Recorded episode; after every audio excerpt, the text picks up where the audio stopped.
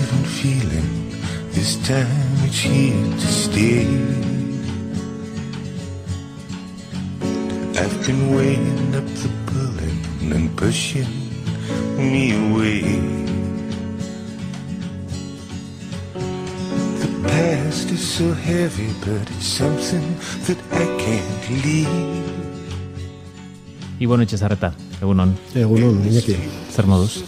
Ondo, ondo, bai. Filmak ez dara zure izena, baina zure historia ere kontatzen du Maixabel pelikulak.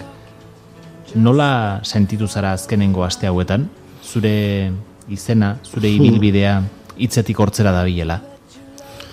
Bueno, eh, egia esan, pues, eh, oso eroso ez nahi sentitu, zeren gogorra da, eh, bueno, filma ere gogorra da, historia ere gogorra da, eta nire izena, eta batez ere familiaen gatik, eh, ez nahi eroso sentitu, baina beste alde batetik, eh, bueno, hor dago egin duten eh, pelikula, bere bidea egiten ari da, eta zentsu horretan uste dut eh, egiten dudan balorazioa, naiz eta nire txat, eh, pizkat gogorra izan da, eh, balorazioa positiboa. Filma ez zenuen ez estreinatu aurretik ikusi, ez estreinatu eta berehala ere. Denbora bat e, utzi zenuen pasatzen. Bai. E, zerke eragiten zizun ikusteko momentu hori atzeratzea? Egia esan, ez nuen eskaini zidaten pelikula estrenatu baino lehenago ik- ikusteko aukera, baina ez nuen ikusi nahi orduan. Lasa ibili nahi nuen, lasa ibili nahi nuen, zeren e, pelikula kontatzen dena da ni bizi izan dudana eta nik e, eta hori pues, gogorra da, eta ez nuen ikusi nahi, baina bueno, e, ja estrenatu zenean eta handik hiru hiru lau astera, pues, erabaki nuen hori zinemara hurbildu eta pelikula ikustea, bi aldiz hurbildu nahi zinemara, lehenengo aldia pues, ez nintzen oso ondo atera zinematik, zeren nahi gabe pues, epaitzen zenuen e, aktoren lana, e, adibidez nik eh, hau ez nuen esan, hau horrela esen izan, gauza batzuk aldatu zituzten, baina bueno, ja bigarren e, aldia joan nintzenean, ja, bueno, pues, hori ja ahaztu nuen, aldaketa horiek ahaztu nuen, eta bueno, gustatu zitzaidan filma. Bai. ¿Vas a participar en encuentros con etarras? ¿Por qué te metes en esto? Que no me meto en nada, que me salgo. Maixabel filma kontatzen du etako zure ibilera eta batez ere espetxe barruan gerora egin zenuen prozesu pertsonala. Lehenagotik ere ezagutzen genuen zuen e, historia, justizia errestauratiboaren baitan Maixabel Lasarekin e, izan zenuen topaketagatik. Urratxorrek berekin dakar konpromiso etiko bat. Nola iritsi zinen bide hori egiten astera? Zer izan zen zure ibilbide horretan bultzada eman zizuna? E, argi dago, egun batetik bestera urratxo hori ez dela ematen. Eta, bueno, pelikulan e, ordu eta berrogei minutu kotatzen dena urte asko proze- prozesua izan da, ez? Eta nik esan dezaket, niretzat oso garrantzitsua izan zela, nanklarezera etorri nintzenean, e, antolatu genuen, talleres por la convivencian, eta han entzun nuena eta han ikusi nuena, niretzat e, izan zen e, oso importantea beste urratsak e, eman alizateko. En anklarezera etorri nintzenean, ni garai hartan, e, adibidez, bojok armatuaren ja kontra edo nik pentsatzen nuen ja hori amaitu behar genuela, bojota- bojok armatuarekin, baina biktimen historia eta elkarbizitzaren historia guzti hori, pues oraindik e, e, horrei buruz ez genuen e, hausnartu, ez? Ez zenuen gertuko sentitzen. Ez, ez, guretzat lehenengo urratsa zen, e, borrak armatuarekin amaitzea, hori zen lehenengo urratsa. Eta gero urrengo, e, etorriko zen bestea, ez? Eta horre, horrekin, e, horrekin gaunden. Eta aipatu dituzun tailer horietan, zer esaten zen?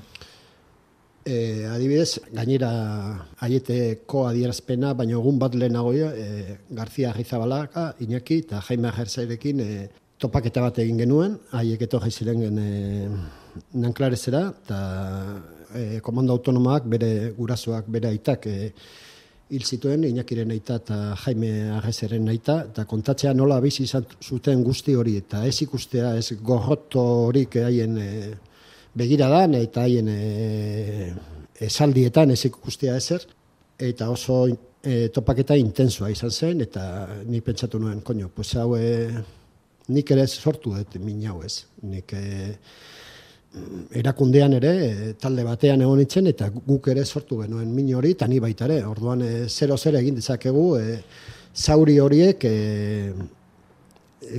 izteko ezin da esan, baina erdea zetzen den bezala pasanar ezazari da, ez? Eta noiz, noiz aurkeztu zitzaizun aukera biktima batekin aurrez aurre lehenengo aldiz egotekoa. Gainera, okerrezpanago maixabeletzen lehenengo topaketa izan zuretzat. Ez, ez, lehenengo topaketa. Egia zen, eh, nire kontra esanak lituen, digo, hau zertarako balio izango du, guzti honek, zertarako balio izango du, eta nire zalantzan nituen, baina adibidez, eh, kide batek eh, egin zuen topaketa bat, ez zen maixabelekin egin, eta bera kontatu zidan, merezi zuela, oso esperientzia potentea zela eta merezi zuela eta batez ere besteen aldean e, eskertzen dutela emandako urratxo hori, ez? Orduan, pues, bueno, animatu nintzen, egia zen kosatu zitzaidan, e, prestatu behar duzulako, e, bitartekariekin prestatu behar duzu topaketa, eta, ez, eta bueno, azkenean animatu egin nintzen bai. Lehenengo topaketa hau, egin zenuenean, aurrean zen eukana, nortzen? Lehenengo topaketa biktima baten alabarekin egin nuen, eta kil zuen bereita e, erakundea edo trompatu, trompatu zen hori egin zuenean eta gero e, zen ausartu argita garbi esatera e, kintza hori egin zutenean e, trompatu zirela eta jajaitu zuten esaten kera un trabajador zibil ez dakizer, ez? Mhm. Baina gu bagenekien trompatu zela, ziren gu garai hartan geneukan informazioa, de hecho guk ibili ginen atentatu hori egiteko, eta gure gu geneukan informazioa zen, militar jazela eta guzti hori, eta gero azkenean zen langile esume bat.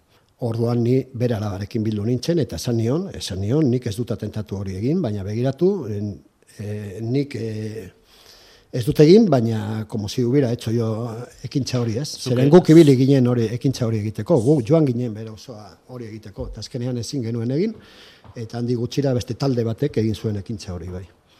Eta nolakoa da momentu hori? Lehenengo aldiz e... biktima batekin aurrez aurre esartzen zarena? Nola zaudezu?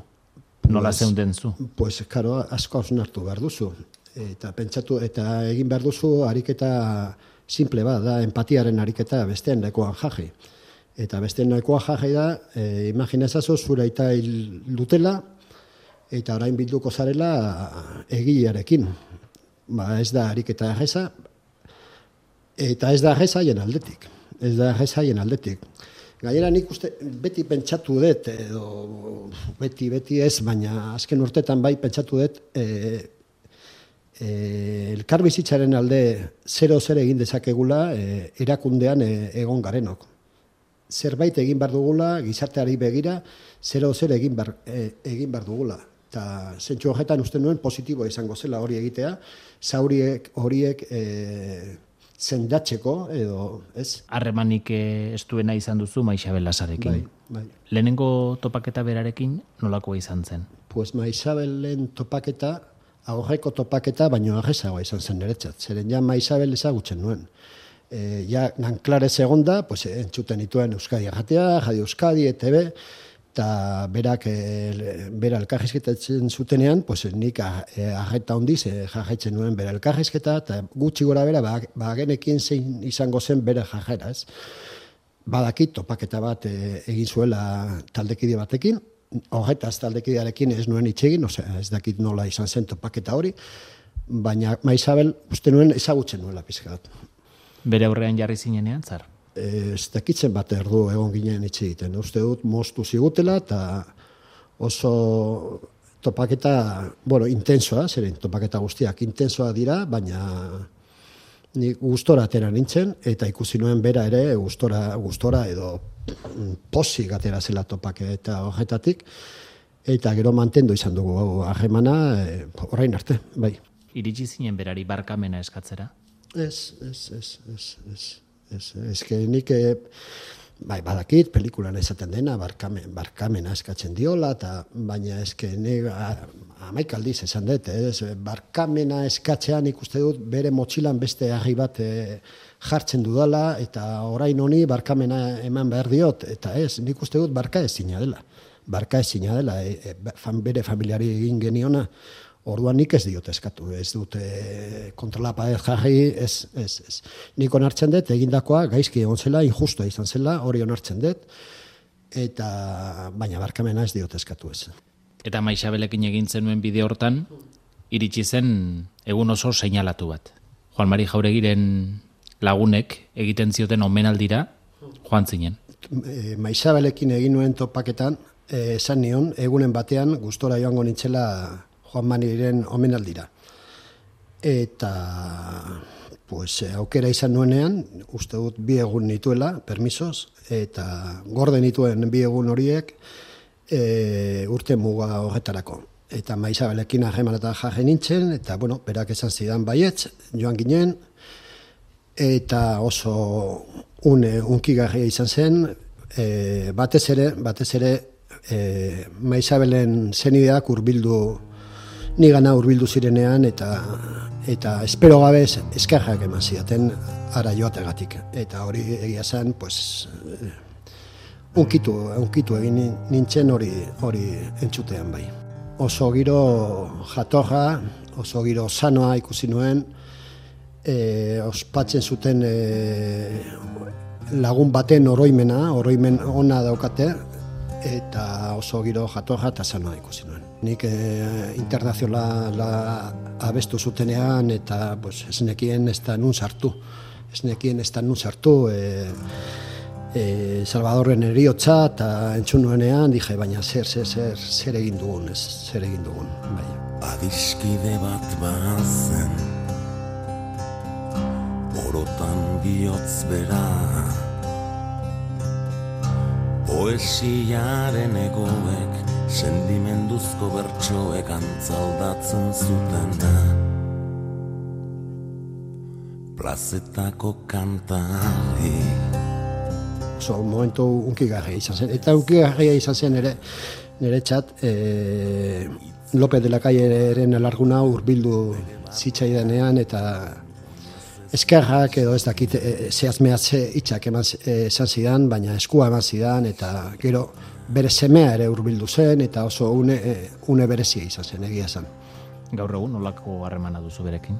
Ba, atxo bertan, e, berarekin itxein nuen, e, kontatu zidan nola egon zen Mekon, e, gero Bartzelonara bian zela, pelikula pelikularekin, e, hori, kartzelan eta gero Bartzelona kasetari batekin egon zen, eta oso aheman, bueno, e, ona daukagu, ona daukagu. Hitz egiten duzunean Maixabeli buruz, badago lako zure hitzetan miresmen moduko bat. Hmm, hau zarta eta eskuzabala.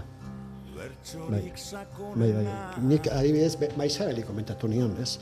Ni uste dut badajozen dengoela, ez? Bera, gazteizko e, biktima del terrorismo bulegoa edo zuzendaria izendatu zutenean, bere, bera kargo hartu zuenean, e, ni pentsatzen nuen jo, ze kasualitatea nork hartu ardura hau eta biktima zuzen bat, ez?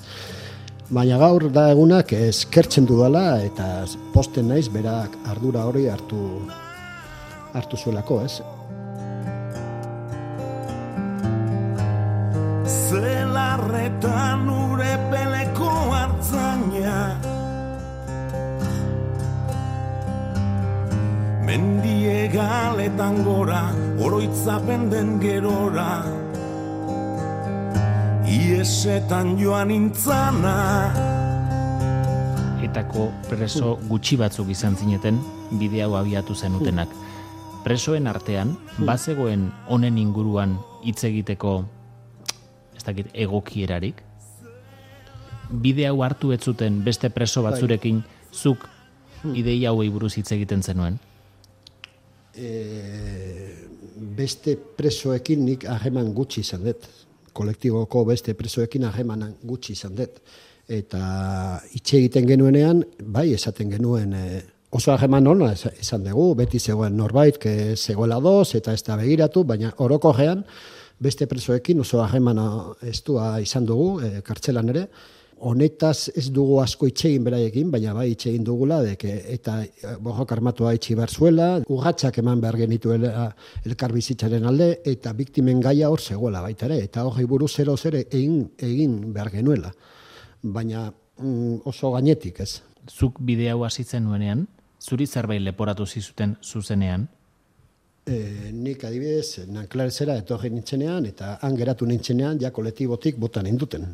Mm, eta nik e, garai hartan sinatu nuena gazteize e, nanklarezera, e, nanklarezen e, egoteko zen, eh, reconocimiento del daño causado y la apuesta por vías políticas y no violentas en la resolución del conflicto vasco. Hori, hori da nik sinatu nuena. Eta hori sinatxeagatik, ja, pues botan induten. E, eta leporatu, leporatu, bai, pues igual esan didate, pues nere erabaki pertsonala izan dela, edo nere irtera pertsonala bilatzen dudala, baina horiek dira betiko irainak. Ni uste dut ekarpen, ekarpen bat egin dugula elkarbiz, elkarbizitzaren aldeko ekarpen bat izan dela gurea kontua da zu oraindik e, irugarren graduan zaudela. Bai, bai, bai. I asko azaroan ja eman ziaten e, e, irugarren gradua, orain e, ez naiz kartzelara joaten, e, pultsera baja gehiate horkatian, eta bueno, ordu batzuk egin bar ditut etxean, mugatuta zaude, baina libre sentitzen naiz. Egia esan libre sentitzen naiz. Espetxetik lehenengo aldiz irten ziren zinenean, hmm. bai men batekin, nolakoa izan zen irtera hori? egia esan, espero gabe heldu zitzaidan permisoa. Josebak egin zidan errekurtso bat, eta nik ez nuen espero, uste dut, e, amalau edo amairu urten eraman e, kartzelan, eta permiso hori heldu zitzaidan, espero gabe. Eta gogoratzen dut, e, ziegan nengoen, eta eta deitu zidaten e, interfonotik e, baia ingresos que, que le tiene una notificación eta ni pentsatu nuen bueno pues amona gaiso zebilen amona eta hori neraman buruan, e, ingresu zera joan nintzenean, amonari zero zer gertatu zaio, eta keskatutan egon. Eta esan zidatenean, permiso bat zitzai dela, ez, ez, ez nuen sinisten, ez, dio, ez da posible. Ez, ez, no, vale, ez gertatu da, ez, ez, ez, ura ondo, da, hau jaso duzuna. Pues, gau hori ez nuen lorik egin. Ez nuen lorik egin, ez, ez nuen espero, egia zen. Eta irten zinenean, zer aurkitu zenuen kanpoan?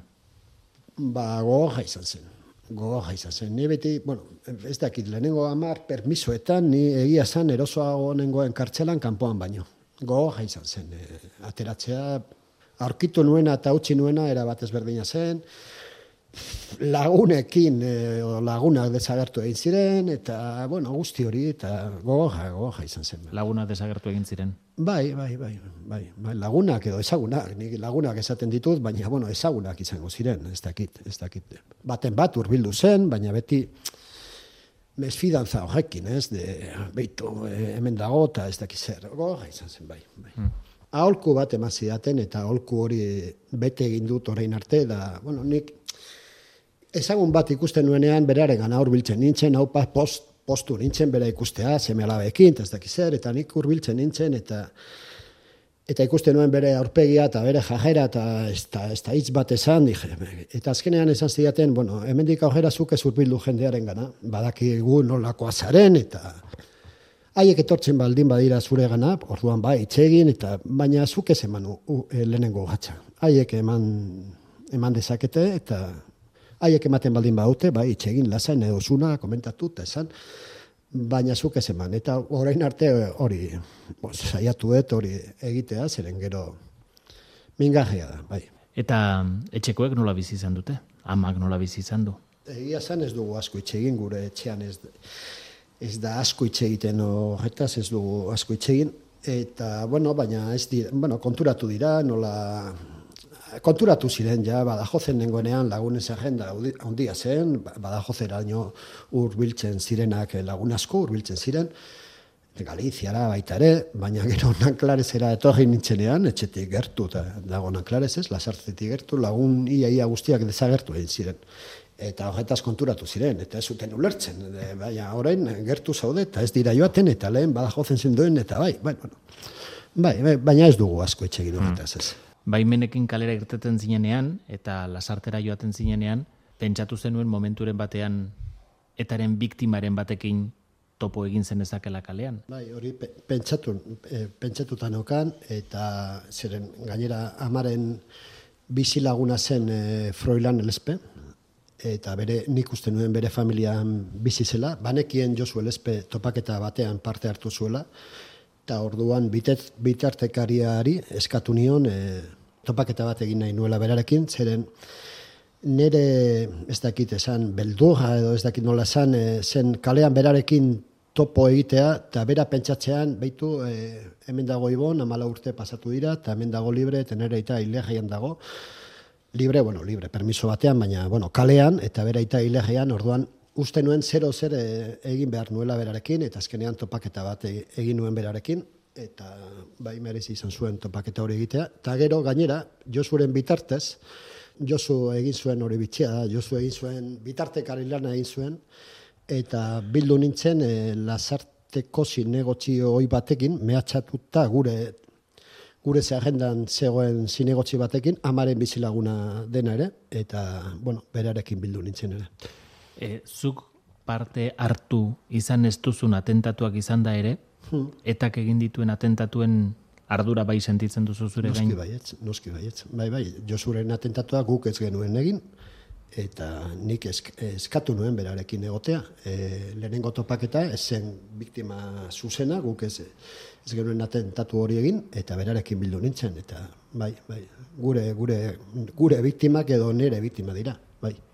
Azpimarratu izan duzu, e, etak babesa izan duela herrietan eta hirietan eta hor bizi zen giroak ere agian behar duela irakurketa bat, ez da? Berrikuspen bat. Mm, Bai, bai, nik kartzelan egonean, ez, eta iku, e, entzuten nuenean, pues, mingarria zela biktima entzako gure argazkia ikustea kalean, eta guzti hori, pues, nik esaten nuen, bueno, baina dira gure familien reklamazioa, edo gizarte ba, zati bateko erreklamazioa, hurbilketa eta, bueno, zergeitik ez, ez dute, ezin dute jarri gure argazkiak, baina gaur da egunak eh, konturatzen naiz, eh, pues hori biktima entzako gogorra dela. Eta ze- simbologia edo folklore guzti hori mantentzen dela kalean, eh, pintadak eta eta guzti hori nik uste dut gaur egun soberan dagoela. Eta ulertzen dut mingarria dela beraientzat bai. Bere garaian e, e, sozializazion del sufrimiento bultzatu genuenok, gaur egun uste dut bultzatu behar duguna da elkarbizitzaren soziabilizazioa. Eta batez ere gure munduan. Eta batez ere erraikoetan eta erraietan, adibidez errenterian egon zena, egin zena, nik uste dut beste Euskal Herriko erreitara zabaldu, zabaldu behar dela. Pena da, hori gelditu zen, et, baina uste dut oso esperientzia interesgarria eta ona e, Euskal gizarteari begira. Juan Mariren omenaldira joan nintzenean, nire txate zen erraza izan, e, maizabelen txate zen erraza izan, eta bere lagun, lagunen txatere ni han egotea zaila zen, ni ikustea han- nengoela. Baina nik uste dut keino importantea izan zela, e, elkarbizitzaren aldeko keinu bat. Eta gu, e, adibidez, e, hori egin zenean, e, legorretako udala zuen parte hartzen e, e, ome- Juan Mariren omenaldian. Eta hori egin, eta urrengo urtera ja udale, udalak parte hartu zuen. Orduan nik postu nintzen hori jakin nuenean, deke udalak parte, parte hartu zuela. Orduan nik uste dut han egon behar dugula. Eh?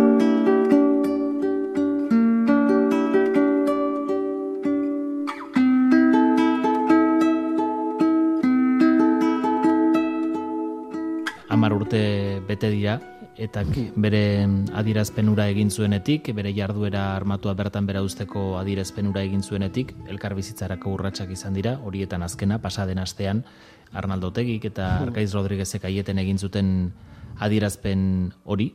Nola bizi izan dituzuzuk adierazpen hori guztiak eta eman diren urratsoiek?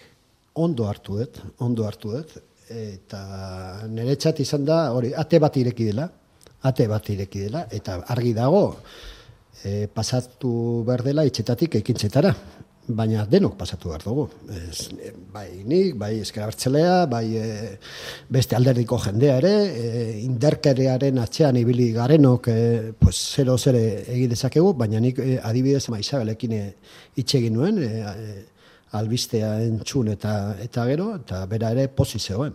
Eta da lehenengo urratza, badaki, lehenengo urratza erraldoia, zer orain, orain arte gai hori tabu izan da, edo horretaz ez zen hitz egiten eskera bertxalean, baina nik uste dut urratz importantea dela. Urraz gehiago eman behar dira, noski baietz, denok eman behar dugu urraz gehiago, ni baita ere. Denok eman behar dugu zerbait elkarbizitzaren alde. Ba- Batez ere, belaunaldi berriei e, begiratzen, ez? E, hau e, Euskal Herrian gertatu zena ez herri pekatzeko, hori izan, izan behar da denon helburua. Hori izan behar da, bai. gaur egun zure bizitzan etan egin zenituen urteak eta etan zeundela egin zenituenek nolako pisua dute? Ondia, ondia, eta froga, froga bada gazteizen bizi naizela. Erosoago sentitzen naiz gazteizen eta ez gipuzkoan. hori froga da, eta hemen zerotik hasi naiz, eta, bueno, pues, ni nahi dudalako, edo bizitza ona ekarri nahuelako ulertzen, baina, bai, bai, eta orain urte muga dela eta, pues, are gehiago, eta, bai, eta filma, eta oso presente dago, nire iragana, nire bizitza, tamales, edo zoritxarrez, baina, bai, bai, bai. Gaur egun okina zara? Bai, bai, bai, bai.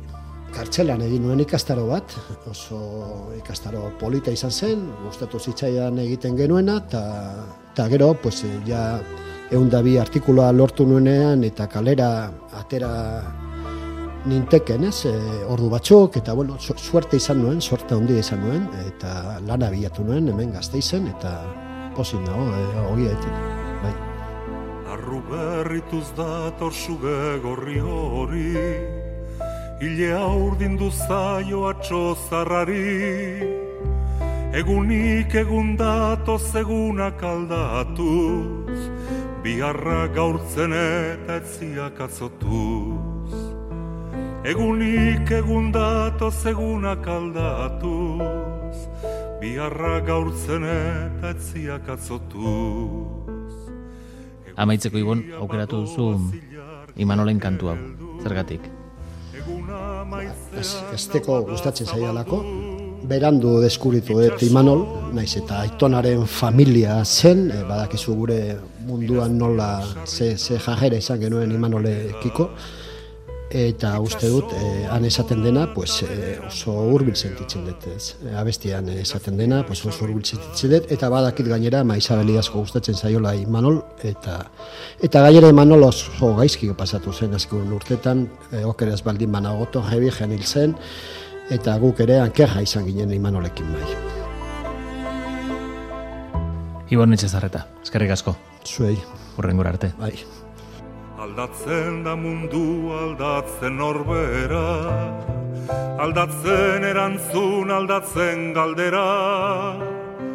Den dena da aldatzen espada momia.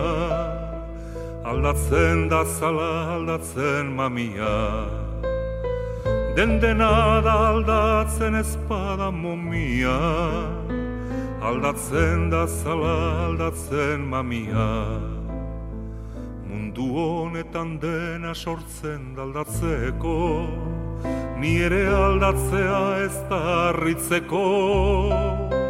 Era bat aldatu naiz amaika urteotan Baina ez aldatzen zerbaiten ebaitan Era bat aldatu naiz amaika urteotan Baina ez aldatzen zerbaiten ebaitan